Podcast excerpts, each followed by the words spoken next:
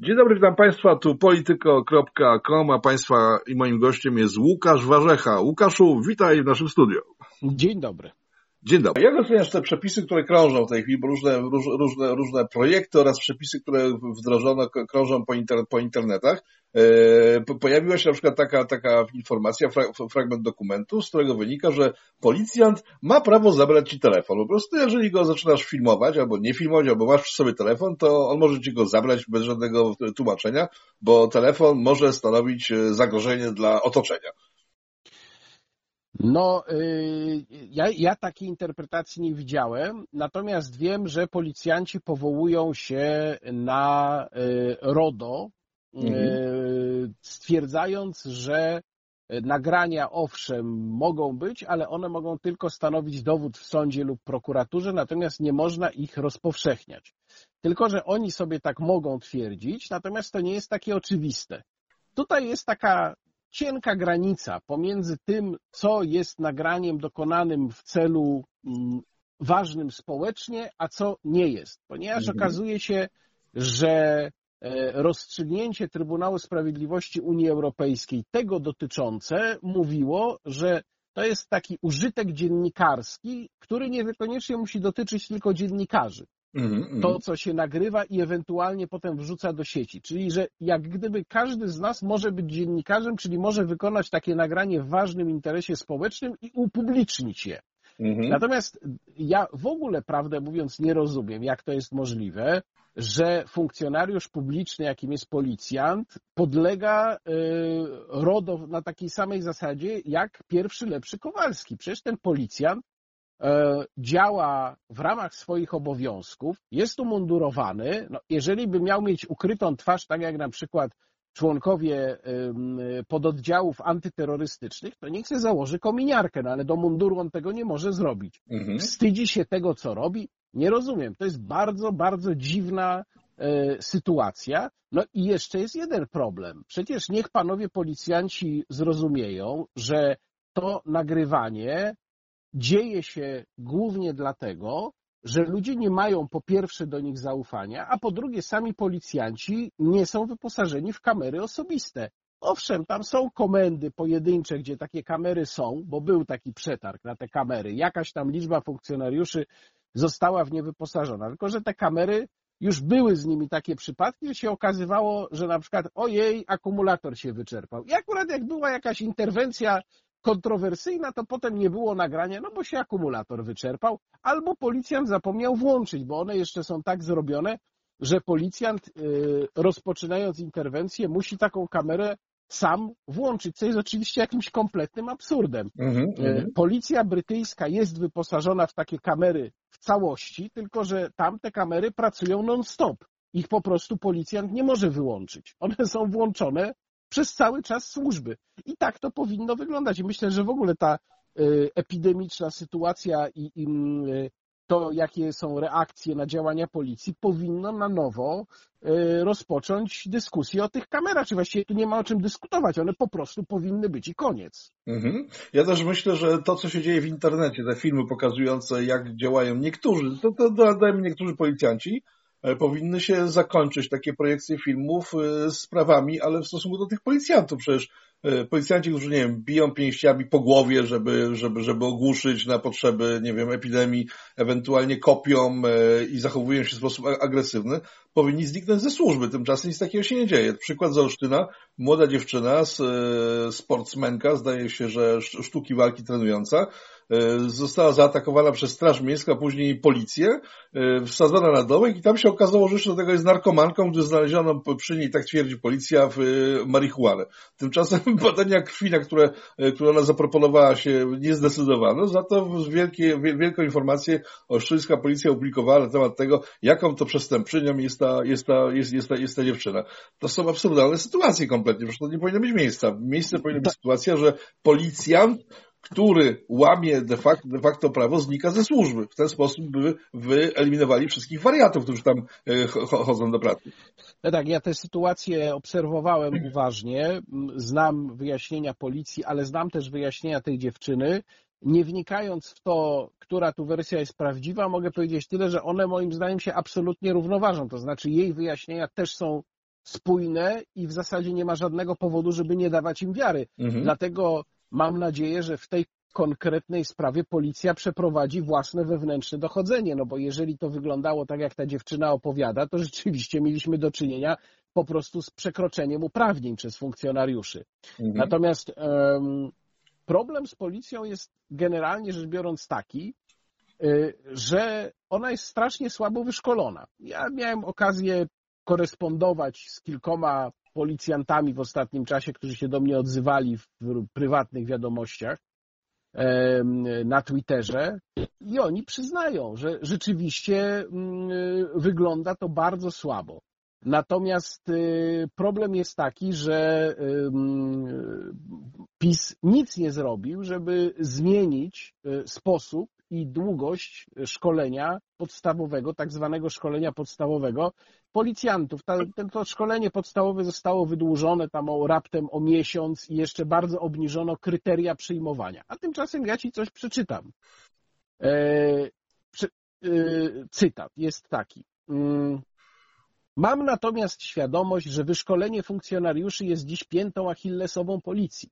Przeciętny policjant kończy je na poziomie zaledwie półrocznego kursu podstawowego. Dla porównania, Węgrzy rozbudowali swój kurs podstawowy, który teraz trwa dwa lata. W mhm. Niemczech to aż trzy lata. Dopiero mhm. taki okres dwa-trzy lata daje szansę na odpowiednie przygotowanie. U nas kurs podstawowy był skracany, bo mieliśmy wielki problem z fluktuacją kadry i chcieliśmy mieć ludzi jak najszybciej na ulicy. Można uznać, że taka była potrzeba chwili, ale dzisiaj po raz pierwszy wakat w policji wynosi poniżej 3%, a pewnie będzie jeszcze mniejszy, bo w tej sprawie determinacja szefa MSWiA jest ogromna. No i mhm. teraz powiem skąd ten cytat. Otóż jest to cytat z wywiadu, którego udzielił mi w maju 2016 roku ówczesny nadinspektor, jeszcze Jarosław Szymczyk, prawie świeżo po swoim powołaniu na komendanta głównego. Mhm. Co od tego czasu pan nadinspektor, a teraz inspektor generalny policji zrobił w tej sprawie? No nic, wydłużył ten kurs tam o miesiąc. Czyli już e, pięć lat temu, e, cztery lata temu miał, no nie, pięć lat temu miał świadomość, co jest nie tak. Już wtedy to było wiadomo. I nic z tym nie zrobiono przez te pięć lat. Nadal jest ten kurs śmiesznie krótki i nadal selekcja jest fatalna do policji. No myślę, że to jest y, w dużej mierze odpowiedź na Twoje pytania. Mhm, mhm, mhm.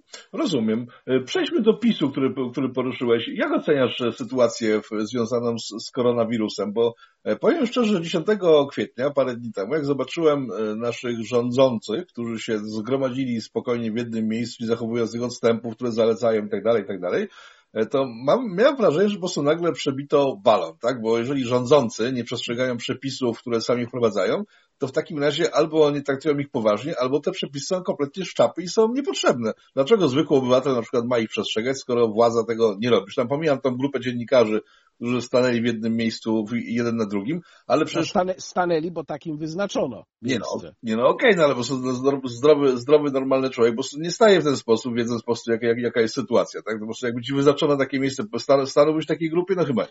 No jakby redakcja ode mnie oczekiwała, że mam zrobić zdjęcia, to pewnie bym musiał. Ale to jest zagrożenie życia w tym momencie przecież. Ale wróćmy do tematu władzy. Y, jak oceniasz sytuację, w której po prostu władza nie przestrzega przepisów, które sama wprowadza? Czy to by mogło znaczyć, że nie ma takiego zagrożenia, jak y, władza podaje, czy po prostu ta władza jest niepoważna i nie wie, jak to wygląda na zewnątrz? Nie, myślę, że ani jedna, ani druga odpowiedź. Myślę, że odpowiedź jest bardzo prosta. To znaczy w Polsce rządzi naczelnik i naczelnikowi nikt się nie postawi.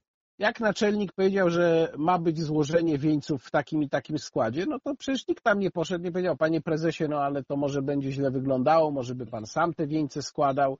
Jak naczelnik uznał, że musi pojechać na Powązki, żeby tam złożyć kwiaty, to też nikt mu nie powiedział, panie prezesie, no ale Powązki są zamknięte, to będzie źle wyglądało, jak pan tam pojedzie, na pewno ktoś pana tam sfotografuje, więc może poczekać tu nie ma tam takiej osoby, która byłaby w stanie, zwłaszcza w tych sprawach, bo to są sprawy, na które Jarosław Kaczyński jest szczególnie wyczulony, powiedzieć prezesowi PiS, y, panie prezesie, no nie wypada. Mhm. Y, I to jest problem. Natomiast czy y, to zrobiło złe wrażenie? Tak, moim zdaniem zrobiło fatalne. W szczególności ta, bo jeszcze o ile w jakimś stopniu można było ewentualnie obronić te mm, obchody pod pomnikiem katastrofy, ofiar katastrofy smoleńskiej, choć z Mhm, trudnością, Mhm. no to już wizyta Jarosława Kaczyńskiego na zamkniętym ewidentnie cmentarzu zrobiła, widziałem, wrażenie fatalne nawet na wielu zwolennikach y, Prawa i Sprawiedliwości, bo tam już po prostu nie było dyskusji. Cmentarz jest ewidentnie zamknięty, e, mnóstwo osób ma tam swoich bliskich, których groby chciałoby odwiedzić przed świętami wielkanocnymi. No, Mhm. okazało się, że są równi i równiejsi. I tutaj Mhm. w zasadzie żadnego wytłumaczenia nie ma. Ja się tylko zastanawiam, e, czy Jarosław Kaczyński wkalkulowuje tego typu reakcje w swoją polityczną taktykę i uważa po prostu, że to nie zaszkodzi w jego najbliższych planach. Może mieć tutaj rację. E, Czy też rzeczywiście znieczulił się na pewne przejawy krytyki, na pewne reakcje, bo ja bym tu nie lekceważył jeszcze jednej rzeczy. To jest taka sprawa, o której się mało mówi, ale jakiś czas temu zwrócił w jednym ze swoich tekstów na to uwagę Piotr Zaręba i myślę, że zwrócił słusznie. Bardzo duża część publicznych emocji, zwłaszcza w czasie epidemii, ma swoje źródło i rozgrywa się i jest widoczna w internecie. Jarosław Kaczyński nie jest człowiekiem epoki internetowej. On w ogóle nie zagląda sam do internetu. Jemu tylko tam coś przekazują czasem, co tam gdzieś się pojawia, ewentualnie coś mu pokazują. I wydaje mi się, że to ma coraz większe znaczenie. To znaczy, jeżeli się nie śledzi tych internetowych trendów, nie mówię teraz o Twitterze, który tam jest jakimś wycinkiem, ale o Jasne. komentarzach, o, o tekstach pisanych przez y, blogerów i tak dalej, i tak dalej, to rzeczywiście w dużej mierze się traci kontakt z tym pulsem emocji. I myślę, że y, to jest problem Jarosława Kaczyńskiego z, czy- z punktu widzenia czystej technologii politycznej, bo z tym trzeba mieć jakiś kontakt. A z drugiej strony, tak jak wcześniej powiedziałem, no oczywiście są w jego otoczeniu ludzie, którzy to widzą, ale oni z kolei się boją mu powiedzieć, że coś Mhm. takiego się dzieje. Znaczy ja mam wrażenie, że sprawa jest głębsza tak naprawdę, bo oglądałem chyba z tydzień temu, to chyba tydzień temu było, kiedy Jarosław Kaczyński wystąpił z jednej z, z stacji radiowych e, i to, co on mówił, zdumiało mnie niesamowicie, bo wyglądało, że on się kompletnie oderwał od rzeczywistości. E, W chwili, kiedy Morawiecki wprowadzał jakieś tam tarcze, to była chyba pierwsza, pierwsza tarcza, ta, taka kompletnie, kompletnie już nie, kompletnie nieudana, e, Kaczyński spokojnie mówi, że a, to, to, to, s- słabi, znaczy przekaz był taki, słabi mogą zginąć, bo to nie jest Tak. przydatne dla nikogo, E, a ja rozmawiałem z bankami i banki powiedziały, że do września wszystko się ureguluje i nie ma czym się przejmować. Przecież takich rzeczy się po prostu nie mówi, bo one są niemądre generalnie od strony, od strony praktyczno-politycznej, tak? Poza tym, jeżeli faktycznie tak myśli, to co się stało z Jarosławem Kaczyńskim sprzed, nie wiem, dekady, czy nawet jeszcze pięciu lat, który potrafił ocenić rzeczywistość i, i wska- wskazać właściwe kierunki działań. Znaczy, jak na, jak na swoje oczywiście zapatrywania polityczne, wiadomo, że jest socjalistą, e, ale jednak wytaczał jakieś, jakieś, jakieś, jakieś, jakieś, ścieżki, a w tej chwili wygląda na człowieka kompletnie oderwanego od rzeczywistości. I to chyba jest głębsze niż ten sam internet. Czy, znaczy, ja bym to łączył oczywiście, ale czy to nie jest e, niebezpieczeństwo takie, że rządzi nami człowiek, który po prostu powinien już pójść na emeryturę? No, myślę, że możesz mieć w tym, co mówisz, dużo racji. E, przy czym zawsze można by ci zarzucić, czy mnie również, że a to jest takie łatwe granie w publicystyce kwestiami charakterologicznymi, tego się nie robi. No, Aha. robi się i się nie robi. To znaczy, czasem jest tak, że te kwestie rzeczywiście mają znaczenie. Kwestie osobowościowe, kondycja konkretnego człowieka, no mają. E, Więc e, e, wydaje mi się, że tak, że można o to zadać pytanie, czy Jarosław Kaczyński nadal ma taki dobry e, kontakt z rzeczywistością, jak miał powiedzmy w 2015 roku. Mhm. Ale być może jest tak, że Jarosław Kaczyński mm, po pierwsze myśli już o swoim odejściu z polityki i w związku z tym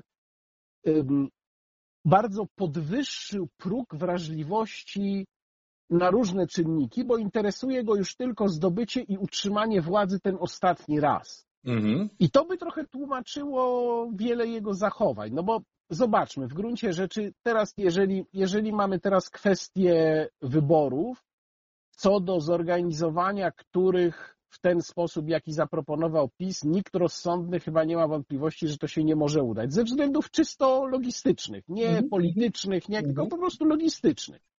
E, a Jarosław Kaczyński jednak twardo do tego prze. E, I rzeczywiście z punktu widzenia takiej czystej partyjnej kalkulacji, to ma pewien sens, no bo wiadomo, że opozycja będzie się twardo sprzeciwiać jakiemukolwiek kompromisowemu wariantowi, dlatego zresztą upadł pomysł Jarosława Gowina ze zmianą konstytucji, że to będzie mobilizować, ten sprzeciw opozycji będzie mobilizować zwolenników PiS bardzo dobrze, oni pójdą do głosowania, E, no i tam per fas et nefas, nieważne w jakich okolicznościach, Andrzej Duda wygrywa. Mamy jeszcze te trzy lata rządzenia, bo chyba Jarosław Kaczyński też nie ma złudzeń, że kolejnej kadencji PiS nie wygra. Mhm. No tylko, że oczywiście y, my byśmy oczekiwali od polityka wysokiej klasy, że on zobaczy coś więcej poza takim partyjnym interesem. Ale być może to jest ten przypadek, kiedy już nastąpiło głębokie utożsamienie y, w umyśle naczelnika tego, co dobre dla partii, z tym, co dobre dla państwa i taki, taka świadomość kresu y, własnej misji politycznej. Mhm. Że tu już po prostu trzeba za wszelką cenę zawalczyć o to, żeby ona jeszcze trochę przetrwała, żeby ona się nie skończyła również w takich okolicznościach. No bo jakby to wyglądało, prawda? Tutaj mhm. znakomite rządy PiS i nagle y, od, przekładamy wybory. Y, to już potem może być problem dla Prawa i Sprawiedliwości, bo będą skutki krachu gospodarczego bardzo wyraźnie widoczne, więc już ten wynik może się, ta sytuacja może się odbić na Andrzeju Dudzie i jego rezultatach. Y, no i Jarosław Kaczyński zostaje zapamiętany nie jako człowiek, który z sukcesem y, przez dwie kadencje PiS prowadził, tylko jako człowiek, który się rozbił na tych rafach e, epidemii e, i tak właściwie zakończył nie wiadomo jak swoją karierę. Na pewno nie w chwale. Myślę, że to mhm. może być odpowiedź. Mhm. A z drugiej strony, jeżeli mówimy o tym, o twardym elektoracie, bo ja spotykam się z takimi osobami, to są dziennikarze, co ciekawe, prorządowi, to oni ciągle mówią o tym, że trzeba utwardzać twardy elektorat. W ogóle nie patrzą na to, że trzeba chyba jednak się otworzyć na na nowy elektorat, tak? W sensie, że ci utwardzeni już bardziej się nie, nie, nie utwardzi, a tymczasem, tymczasem lu, lu, ludzie, którzy chcą funkcjonować w normalnym państwie, zgadzają, tak jak Węgrzy. Węgrzy nie kochają Orbana, tak? No umówmy się. Większość Węgrów uważa Orbana po prostu za, za twardego, tu bym użył jakiegoś przymiotnika, którego nie chcę używać, ale wiedzą... Możesz po węgiersku powiedzieć. nie wiem, jak jest po węgiersku e, pi, pi, pi. ale wiedzą, że po prostu, i to jest też sytuacja Polski, tak, wiedzą, że nie ma alternatywy, bo poza Orbanem nikt tego nie ogarnia, tak, i może, może tak jest faktycznie też w Polsce, że Polacy oczekują dyktatu, oczekują porządku i, i spokoju, więc się godzą na, na, na, na, to, co, na to, co robi Kaczyński, tak? Ale ten twardy elektorat utwardzany ciągle, przecież to zaraz się z, z, zrobi sytuacja taka, że jeżeli pojawi się ktokolwiek, kto, kto, kto będzie, nie wiem, wyglądał na człowieka potrafiącego ogarniać kuwetę, no to PiS z minuty na minutę straci większość poparcia. No bo pierwsza sprawa to jest, y, to jest kwestia tej bezalternatywności. Ja jestem w mhm. ogóle przeciwnikiem takiego myślenia, Dlatego, że gdyby tak myśleć, to by nigdy żadna nowa inicjatywa polityczna nie powstała. Trzeba dać jej szansę poprzez to, że się nie myśli w sposób bezalternatywny, czyli że o, teraz nie ma nikogo lepszego, no to trzeba popierać tych. No nie trzeba, są różne formy, jakby powiedzieć, yy, gradacji tego poparcia albo warunkowego poparcia, Mówię teraz i o tym, co publicyści mogą e, zrobić, i o tym, jak się mogą zachować wyborcy. Zresztą publicyści w ogóle nie powinni popierać partii politycznej. Powinni ją popierać tylko w takim stopniu, w jakim w konkretnej sprawie ona realizuje ten program, za którym oni się opowiadają. Mm -hmm. Natomiast jeżeli chodzi o tezę z koniecznością popierania twardego elektoratu, którą słyszysz od dziennikarzy bliskich obozowi władzy, no to o tyle mnie to nie dziwi, że oni też z kolei realizują własny interes. Ten twardy elektorat to są ich klienci, mhm. Y, czy ich czytelnicy bardzo często, więc y, no to są, to ja nie chcę się tutaj znęcać nad moimi kolegami, czy byłymi kolegami w części, ale no oni po prostu nie zachowują się jak, jak, jak dziennikarze, tylko zachowują się jak, jak aktywiści partyjni i to jeszcze tacy z twardego skrzydła Przecież no, w PiS jest takie twarde skrzydło, które cały czas mówi nie, nie, tylko na twardo, tylko na twardo, bo tu wygramy twardym elektoratem.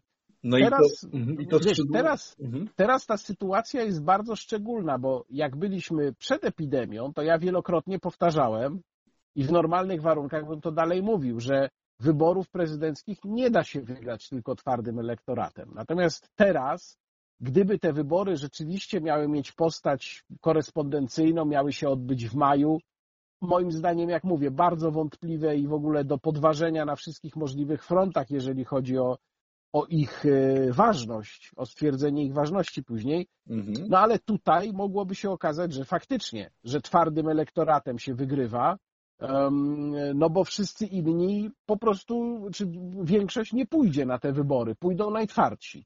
Mhm. No ciekawe, jak to będzie wyglądało tak naprawdę, bo jest duże ryzyko, na przykład nie jest. Ja bym na miejscu listonoszy zastrajkował w tym czasie i wymusił wreszcie podwyżki, bo ci ludzie zarabiają jakieś śmieszne pieniądze, tak? Na pocztach siedzą, siedzą kobiety zarabiające śmieszne pieniądze. Przecież e, postawienie na Pocztę Polską, która działa jak działa, to, to, to jest inna sprawa.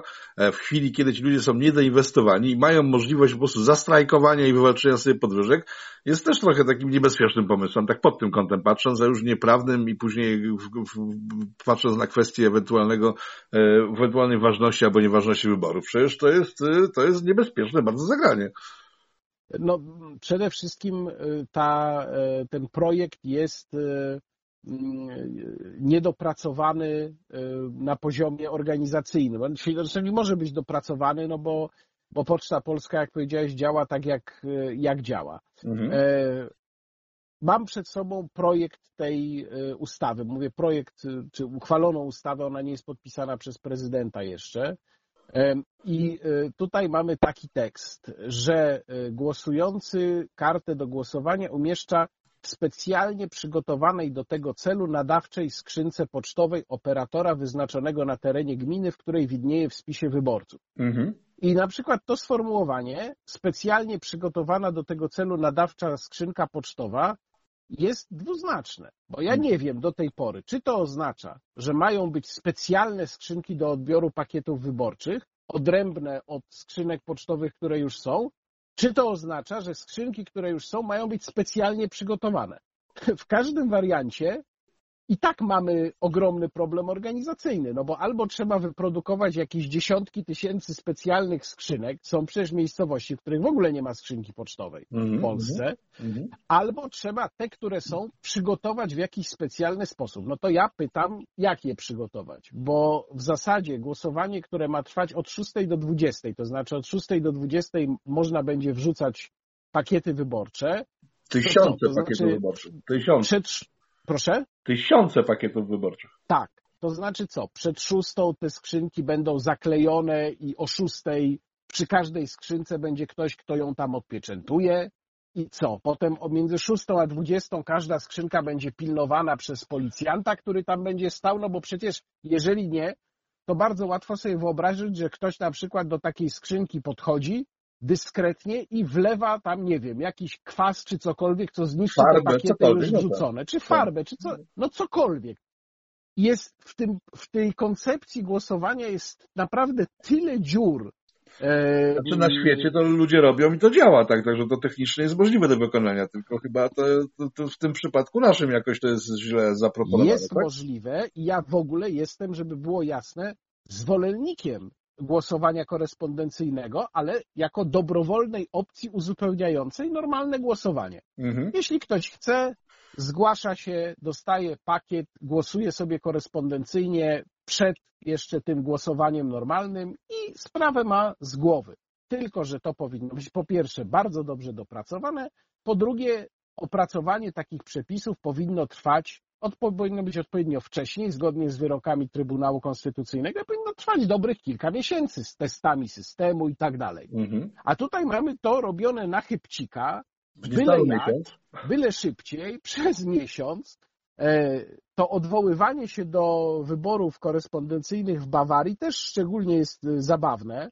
Mm, mówił o tym na portalu do rzeczy niedawno Jarosław Flis, który e, porównał to właśnie z wyborami bawarskimi, odniósł się do tego porównania Mhm. i powiedział tak, że ma przed sobą zdjęcie pokazujące wybory landowe wybory w Monachium landowe, gdzie do policzenia pakietów korespondencyjnych, gdzie do policzenia pakietów z Monachium jest wielka hala. W tej hali jest 200 stolików do liczenia, Mhm. a przy każdym stoliku jest 5 osób, czyli 1000 osób Mhm. liczy głosy dla Monachium w 2008 roku. Mhm. Mhm. E, I dla porównania powiedział, że Kraków, który ma dwa razy, tylko dwa razy mniej będzie tych głosów niż było w Monachium, będzie miał do liczenia tych głosów 45 osób. Tak, No no to właśnie chciałem przywołać, chciałem przywołać właśnie kwestię Krakowa i takich ośrodków, gdzie e, komisje, które zgodnie z prawem mają właśnie po 40 osób, będą obsługiwać na przykład 300 tysięcy głosów, głosów wyborczych. Przecież to, to, to, to, to gardło to widać już w tej chwili, że jest tak wąskie, że to nie przejdzie po prostu. Nie, no oczywiście, że nie przejdzie, e, pomijając już fakt, że Bawaria ćwiczy głosowanie korespondencyjne Od od kilkunastu lat. Mhm. Więc w ogóle porównywanie się do, czy do Szwajcarii, czy do Bawarii jest absolutnie od czapy. To w ogóle nie ma porównania. Mhm. E, Więc albo będzie tak, że w ostatniej chwili jednak rządzący dojdą do wniosku, że po prostu nie da się i nastąpi jakiś myk, e, żeby te wybory przesunąć, albo będzie tak, że one się odbędą i wtedy moim zdaniem nawet Izba Kontroli Nadzwyczajnej, która ma już tych tak zwanych pisowskich, przepraszam za określenie, bo ich nie uważam za, e, dyspo, dla, za, za ludzi w dyspozycji PiS, ale powołanych przez um, zarządów PiS sędziów, Mhm. nawet ta Izba nie będzie w stanie uznać tych wyborów pod naporem na pewno masowych protestów wyborczych za ważne. E, Mhm. Tu muszę zauważyć, że pojawiła się koncepcja, to widziałem w wywiadzie, e, którego dopiero co Jarosław Gowin udzielił, e, koncepcja, o której ja już od jakiegoś czasu mówię, nie wiem, nie śmiem pomyśleć, że Jarosław Gowin ode mnie ją wziął, ale może, Mhm. E, ponieważ... Co za koncepcja jest? Koncepcja tego, jak przesunąć wybory w, nie zmieniając konstytucji. Bo Jarosław Gowin sam jakiś czas temu wskazywał, że nie możemy sobie pozwolić na wprowadzenie y, stanu klęski żywiołowej, ponieważ to by spowodowało ogromne odszkodowania. No bo rzeczywiście jest tak, że jeżeli się wprowadza któryś ze stanów nadzwyczajnych, to jest taka ustawa o wynagradzaniu szkód mm, w związku z wprowadzeniem któregoś ze stanów nadzwyczajnych i faktycznie wtedy przedsiębiorcy mogą wnioskować o odszkodowania za straty, które ponieśli w wyniku wprowadzonych regulacji. Ale Jarosław Gowin powiedział to, co ja mówię już od jakiegoś czasu, że przecież stan klęski żywiołowej można wprowadzić na krótki moment.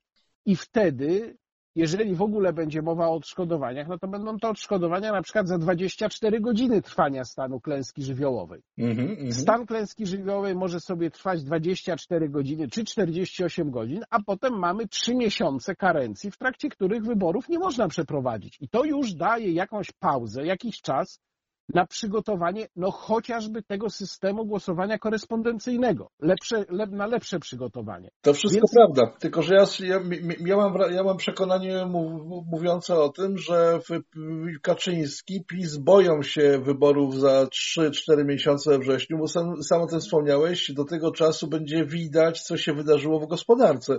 Ludzie potracą, potracą, e, już tracą pracę, nie będą mieli pieniędzy, na jesieni może być bardzo gorąco, a tutaj e, myślę jest to niebezpieczne dla obecnej ekipy rządzącej. Tak, to prawda. Też zgadzam się z tym. Znaczy, myślę, że to jest y, tego typu kalkulacja. Mhm.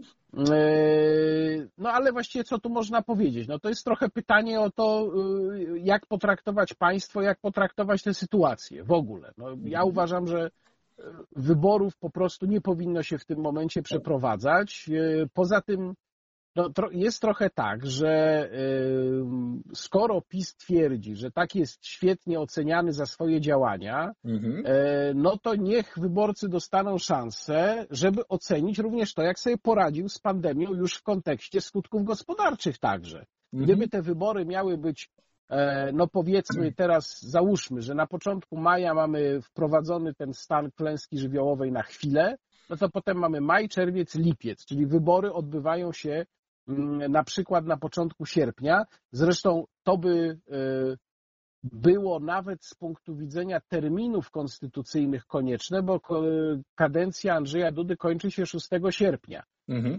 I ona byłaby przedłużona na czas tej karencji 90-dniowej, gdyby karencja zahaczyła o koniec kadencji Andrzeja Dudy.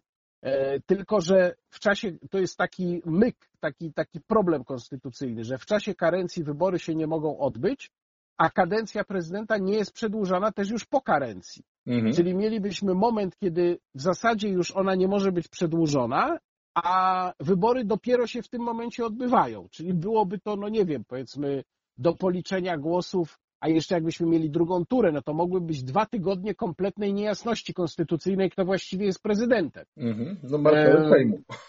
No, tak by być może wynikało, tylko że problem znów polega na tym, bo ja to dokładnie sprawdzałem, że konstytucja wymienia przypadki, w których marszałek Sejmu zastępuje prezydenta i jako żywo takiego przypadku tam nie ma. Więc to, to jest po prostu taka czarna dziura konstytucyjna. No, e, ojcowie naszej konstytucji, no jakoś nie pomyśleli, że coś takiego może się stać, jak, jak to, co się dzieje teraz. No tak, to włożyli tam masę, masę zbędnych rzeczy. Słuchaj, mam, mam takie pytanie, bo już ten temat się pojawił kilka razy w naszej rozmowie lider zmian. Wspomniałeś Gowina, mamy Andrzeja Dudę. E, czy mamy w ogóle w Polsce polityka, polityków, polityków, którzy by byli w stanie przejąć schedę po PiSie? Bo to jest chyba pytanie, które zaraz będzie galopowało, tak? Bo Jarosław Kaczyński wieczny nie jest. Tam te E, frakcje w PiSie się, no, znaczy w PiSie, w Zjednoczonej Prawicy się non stop ze sobą tłuką, gowiniści z ziobrystami, e, PC z całą resztą i tak dalej, i tak dalej, ale gdybyśmy się mieli przy, przyjrzeć scenie, to kto, nie patrzymy teraz tylko na to, na Zjednoczoną Prawicę, kto w Polsce mógłby zostać naturalnym liderem, który pociągnie to dalej? No tak. Tu zapadła cisza, bo rzeczywiście e, pytanie, które się często pojawia, odpowiedź nie jest e, prosta. Aha. Po pierwsze, myślę, że my jesteśmy na krawędzi mm, przełomu. Jeszcze nie widzimy, w którą to stronę dokładnie pójdzie, ale rzeczywiście może być tak, że e, epidemia i jej skutki gospodarcze dobiją PiS, taki jaki znamy. Mhm. E, no i jeszcze plus Jarosław Kaczyński, który no też jest coraz starszy i, i, i pewnie nadchodzi ten moment, kiedy będzie musiał się wycofać. Ja na razie bym powiedział tak. Na pewno ogromne ambicje, lekko tylko przytłumione ma Zbigniew Ziobro. I może być tak, że on zostanie mhm. liderem własnego obozu, takiego mocno radykalnego, e, kontynuacji twardego jądra PiS. E, jeśli chodzi o wyborców, oczywiście, nie mówię tu o politykach, bo to jest inna sprawa. Mówi się Myślę, o tym, że, że Zio, Zio, Ziobro bardzo, bardzo ciąży ku Konfederacji, że ewentualnie z nią połączy, połączyć siły. Takie głosy dochodzą, dochodzą z obu obozów, czyli od ziobrystów i od konfederatów, więc pewnie, pewnie coś w tym jest. Tylko pytanie następujące, czy Ziobro ma w, charyzmę i umiejętności osobiste, które pozwolą mu zgromadzić wokół siebie więcej niż 5% Polaków? Że bardzo powiem szczerze, byłoby to ryzykowne, gdyby ta opowieść w ogóle była prawdziwa, mhm. to byłoby to bardzo ryzykowne, dlatego że moim zdaniem elektorat Konfederacji oczekuje czegoś zupełnie innego niż to, co oferuje Zbigniew Ziobro. Mhm. E, elektorat Konfederacji jest tradycyjnie bardzo wrogi Prawu i Sprawiedliwości, mhm. a Zbigniew Ziobro to jest taki PiS plus. Emanacja. Więc, więc, więc wydaje mi się, że, że z punktu widzenia poparcia dla Konfederacji byłoby to bardzo, zagranie bardzo ryzykowne, no ono może jakoś tam się broni organizacyjnie. To znaczy, znaczy że... no, narodowa retoryka, twardy katolicyzm, tego typu rzeczy, no, ale to bardziej to tak, ruch narodowy by pociągnęło. Tak, ale na przykład, no więc właśnie, bo jednak Konfederacja to y, przez cały czas jest kilka, co, co najmniej dwa skrzydła. Jest to skrzydło narodowe mhm. i moim zdaniem mniej, mniej istotne skrzydło wolnorynkowe. Mhm. E, reprezentowane tam głównie przez Artura Dziambora. No i to y, tu mi się wydaje, że wejście w mm, alians z Zbigniewem Ziobrą musiałoby oznaczać krach tego skrzydła wolnorynkowego, no bo e, formacja Zbigniewa Ziobry jest zupełnie inna. To jest, to jest zupełnie co innego. Poza tym no, byłoby bardzo trudno uzasadnić z punktu widzenia wypowiedzi na przykład Krzysztofa Bosaka mhm. Wejście w sojusz z człowiekiem, który e, firmował bardzo konstytucyjnie i prawne, prawnie wątpliwe różne ruchy, był ich projektantem i Konfederacja nieraz je krytykowała. Mhm. Oczywiście nie takie rzeczy w polityce się robiło, tylko ponieważ elektorat Konfederacji jest taki, no powiedziałbym, i antysystemowy, i, i, i mm, być może mniej elastyczny niż elektorat PiS. To znaczy, nie, trudno mi sobie wyobrazić, żeby większość elektoratu Konfederacji tak biernie szła za wytycznymi e, z centrali, jak idzie duża część elektoratu PiS. To na pewno. To tutaj by było ciężko. Moim zdaniem by było ciężko. No mamy jeszcze Jarosława Gowina, mm, który ma ewidentnie swoje ambicje. Pytanie, na ile będzie w stanie je zrealizować. Gdyby się tak okazało, że PiS się rozpada, zapada, że widać, że, że zaczyna pikować pod wpływem słabej sytuacji gospodarczej, to być może Jarosław Gowin byłby tutaj w stanie przejąć część jego elektoratu, taką bardziej pragmatyczną, bardziej umiarkowaną mhm. i być może na przykład, można sobie to wyobrazić moim zdaniem coraz lepiej, E, rozpada się Platforma Obywatelska. To prawda. I na przykład y, część działaczy Platformy, której teraz tak dobrze nie widać, ale takich nastawionych właśnie bardziej wolnorynkowo, e, nie, nie oszalale antypisowsko, tworzy jakiś sojusz czy nową strukturę z Jarosławem Gowinem. No bo jak spojrzeć na, e, na to, jak sobie radzi, czy bardziej jak sobie nie radzi kandydatka Koalicji Obywatelskiej w, w wyborach prezydenckich, no to, to naprawdę jest porażka również Borysa Budki. To jest porażka oczywiście głównie Małgorzaty Kidawy-Błońskiej, ale to jest też porażka nowego przewodniczącego Platformy. Mhm. E, to jest naprawdę już kompletny krach, to co Małgorzata Kidawa-Błońska sobą prezentuje i co widać y, w sondażach. No to jest nie bez powodu. Jest na trzecim miejscu i to już zdaje się w dwóch co najmniej sondażach, czyli to już możemy mówić o jakiejś tendencji. Y, nie bez powodu Władysław Kosiniak-Kamysz tutaj jest y, wyżej. No i właśnie skoro o PSL-u mowa, no to to jest moim zdaniem jednak ten kurs y, nowego PSL-u, to jest duży sukces Władysława Kosiniaka-Kamysza, tak samo jak ta jego pozycja w sondażach. Więc y, gdybym miał tutaj wskazywać jakiś możliwy sojusz, taki powiedzmy liberalno-konserwatywny w głównym nurcie, to może faktycznie można by mówić w przyszłości o jakiejś konstrukcji takiej na pograniczu Jarosława Gowina, Kosiniaka, Kamysza i powiedzmy jakiejś części Platformy. Resztówki jakieś, które zostanie z Platformy, no? No więc wszystko to jest możliwe. Yy, Zobaczymy, co się będzie działo z prawem i sprawiedliwością. Natomiast z całą pewnością, i nie wiem, czy Jarosław Kaczyński ma tego świadomość, poziom zapaści gospodarczej będzie tak głęboki, że PiS na 100% w związku z tym e, oberwie. I moim zdaniem również będzie, to jeszcze zależy od tego, e, jak wyjdą z tego poszczególne państwa ale mhm. może być tak, że PiS zacznie być rozliczany bardzo szczegółowo ze swoich właśnie blokujących działanie państwa działań. Mhm. Gdyby się okazało, że te kraje, które na przykład wcześniej zaczęły wychodzić z hibernacji, albo te, które nie zahibernowały swoich gospodarek tak głęboko,